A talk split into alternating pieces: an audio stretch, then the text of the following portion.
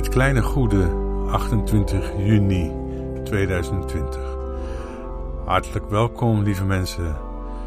Er bestaat een gedicht van Henriette Roland Holst dat als een motto geldt voor de liederenbundel Verzameld Liedboek, waaruit tijdens het kleine goede zoveel mooie liederen klinken, met toestemming van Stichting Leerhuis en Liturgie, de Nieuwe Liefde te Amsterdam. En dat motto luidt dit ene weten wij en aan dit een houden wij ons vast in de duistere uren. Er is een woord dat eeuwiglijk zal duren en wie het verstaat, die is niet meer alleen. Laten we bidden een gebed van Tom Naasterpad uit Uitkomst in de benauwdheid, pagina 199. Dat toch de kring die uw Messias verwelkomt, geen andere Heer kennen dan die haar is gegeven. Een koning zonder kroon, maar de sterren melden zijn dag. Een galg voor zijn lichaam, maar de aarde is zijn voetbank. Wie hem dienen lopen steeds gevaar, zij redden het nooit. Maar laat uw heilige niet alleen zijn met zijn dood. Toon hun zijn heerlijkheid, een stem aan hun oor, een licht dat in hun midden glanst van vrede. Maar hij zegt: De armen hebt gij altijd bij u. Laat dit dan hun vrede zijn in het tumult, hun licht in de donkerte, in dit uur van Satan, die niets te verliezen hebben, zijn altijd bij hem.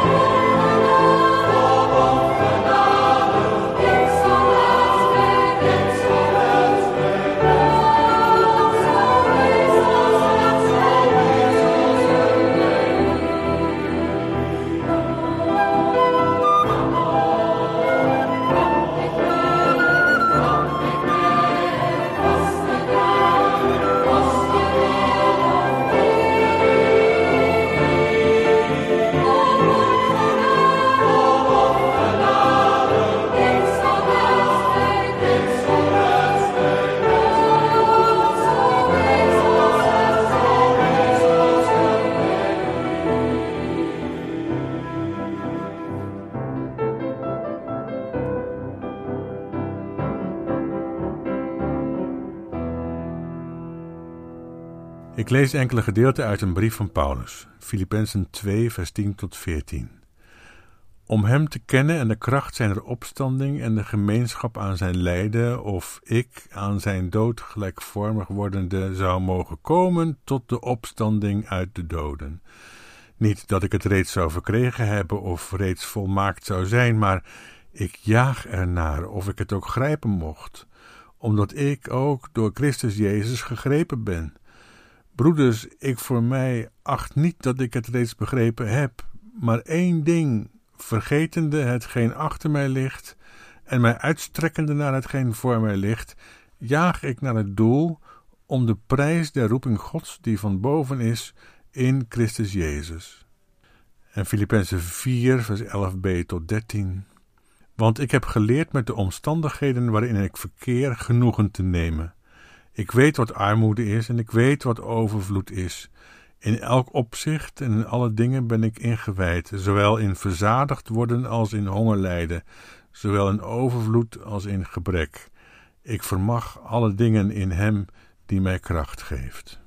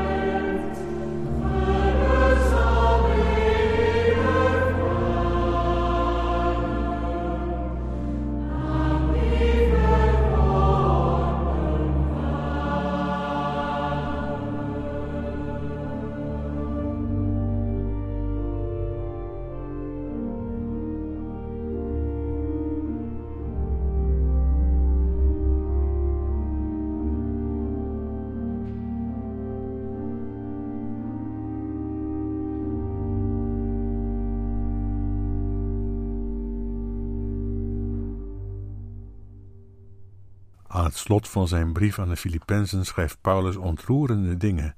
Het is trouwens helemaal een ontroerende brief. De brief is bekend door de oude Christushymne die Paulus erin opneemt in het tweede hoofdstuk. Laat die gezindheid bij u zijn, welke ook in Christus Jezus was, die in de gestalte Gods zijnde het Gode gelijk zijn niet als een roof heeft geacht, maar zichzelf ontledigd heeft en de gestalte van een dienstknecht heeft aangenomen, en aan de mensen gelijk geworden is. En in zijn uiterlijk als een mens bevonden heeft hij zich vernederd en is gehoorzaam geworden tot de dood, ja, tot de dood des kruises. Daarom heeft God hem ook uitermate verhoogd en hem de naam boven alle naam geschonken, opdat in de naam van Jezus zich alle knie zou buigen, van hen die in de hemel en die op de aarde en die onder de aarde zijn, en alle tong zou beleiden, Jezus Christus is Heer, tot eer van God de Vader. Dat is vers 5 tot vers 11.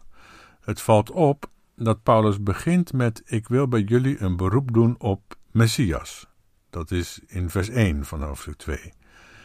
Messias. Messias is wat zijn medejoden kennen, die worden namelijk in Messias onderwezen, net als Paulus zelf. Zodra ze naar catechisatie kunnen als kinderen, is het hele verhaal van wet en profeten gericht op de komende Messiaanse vrede en op die mensen die iets Messiaans laten oplichten als een licht in de duisternis. De woorden die daarbij horen zijn liefde, agape en gemeenschap, ontferming en barmhartigheid. Dat is wat je als Joods kind leert. Maar dan gaat Paulus in deze brief iets bijzonders doen. Dan gaat hij zeggen dat die Messias, waarop hij een beroep doet, aan de dag is getreden in Jezus. En zo komt hij bij zijn Christushymne. En die hymne begint met Messias Jezus, of op zijn Grieks gezegd, maar dat is hetzelfde, Christus Jezus, en eindigt met Jezus Messias, of opnieuw op zijn Grieks, Jezus Christus. Paulus begint dus met Messias, een toekomstige eindverwachting die in het Joodse geloof een centrale gedachte, een radicaal verlangen is, en gaat daarna het over Jezus hebben. Want de Messias die verwacht wordt en waar Paulus een beroep op doet, is wellicht op een andere manier Messias dan doorsnee werd gedacht. Het is namelijk helemaal geen goddelijke gestalte, sterker nog, dat aan God gelijk zijn heeft hij geen roofgoed geacht te wezen, beslist niet begeerenswaardig. De Messias zoals Jezus die laat zien, is een Messias in de gestalte van een slaaf. De Christus die Jezus toont, is niet goddelijk, maar menselijk, en niet even voor een korte tijd, maar voor goed. En niet een mens zoals er miljoenen zijn, maar een slaaf die een slavendood sterft aan een kruis. En die gemartelde slaaf wordt door God verhoogd tot een koninklijk niveau. Een vermoorde slaaf als Curios, zodat alle tong zou beleiden, Jezus Messias, Jezus die door zo te leven en te sterven de ware Messiaanse gestalte is geworden, deze Jezus is voor ons Messias en als Jezus Messias is Hij Curios, Heer, machthebber. Nu is het bijzondere in deze brief dat dit een zeer gewaagde poging is van Paulus om een historische gestalte, Jezus, te verbinden met een toekomstige eindverwachting, Messias. En het is daarbij niet zo, zoals wel eens wordt gedacht, dat Paulus een starre dogmaticus was. En orthodox schijnende of lijkende mensen kunnen zich niet met een opgestijfde en hardvochtige moraal en strooiend met strenge godsdienstige wetten op Paulus beroepen. Niet met goed fatsoen althans. Want Paulus deed een beroep op liefde, agape, gemeenschap, ontferming en barmhartigheid. Daar hoort hardvochtigheid en streng gereformeerdendom niet bij. Ik weet het ook allemaal niet, zegt Paulus verderop in deze brief. Ik doe maar een poging, maar niet een vrijblijvende poging. Mijn poging is geen probeersel. Ik wil mij verbinden met zijn dood. Zijn dood, zegt Paulus dan. Niet de dood in het algemeen. Paulus is niet levensmoe, integendeel. Zijn dood, dat is niet het sterven dat het leven begrenst en dat ervoor zorgt dat het leven niet een inhumaan nooit meer ophouden wordt, maar zijn dood, dat is precies die dood die Paulus beschrijft in die Christushymne, de slavendood aan een slavenkruis. Daarmee wil Paulus solidair zijn, zich daarmee verbinden. Op die plaats wil hij staan, de slavendood van de duizenden slaven. Daarom noemt Paulus zich ook vaak dienstknecht, wat een veel te braaf woord is voor doulos, slaaf. Doulos ton curion, slaaf des Heren. Hem navolgen en zo rijkhalzend uitzien naar de komst van de Messias en deelnemen aan de opstanding der doden, die plaatsvindt zodra het Messiaanse Rijk zich baanbreekt. Dan, maar ook nu reeds, midden in dit leven. Dat niet altijd mooi en fantastisch is en groots en meeslepend, maar soms ook onaf en incompleet en schrijnend en pijnlijk. Rijkdom en armoede, overvloed en gebrek. Maar, en dat vind ik zo'n ontroerend zinnetje, ik, zegt hij dan, vermag alle dingen in hem die mij kracht geeft. Ik vermag, ik ben in staat het leven te leven, niet zoals het in de meest optimistische visies wordt getekend, en ook niet zoals het in de meest zwartgallige doemscenario's wordt gekenschetst, maar het leven dat soms mooi is en soms wat moeizaam, dat leven, dat wil ik leven in alles. En ik wil me daarbij verbinden aan Hem, die slaaf, die goddelijke gestalte, die niet een God wilde zijn, maar een mens, niet in de hoogte, maar in de diepte, een woord sprekend te midden van de sprakelozen, zodat zij met stomgeslagen mond kunnen zingen in de woorden van Henriette Roland Holst. Dit ene weten wij en aan dit een houden wij ons vast in de duistere uren. Er is een woord dat eeuwiglijk zal duren, en wie het verstaat, die is niet meer alleen. Amen.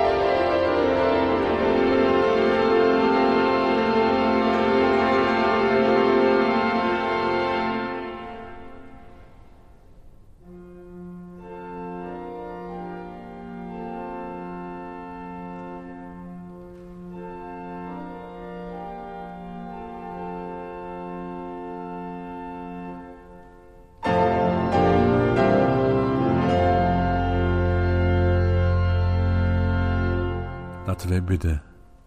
Onstilbare tonen, zwijgende woorden mogen hier klinken. De mond die ze zingt, het hart dat ontvangt, zij gezegend. Zoals een landschap meer ruimte is dan te zien valt, en zoenen meer zijn dan de perfecte vorm van de lippen, zo roepen wij uit weerwar tevoorschijn een weg, een lichtgestalte uit dromen en schaduw van dood. Zo wordt van aarde tot hemel gij onze enige ware. Amen.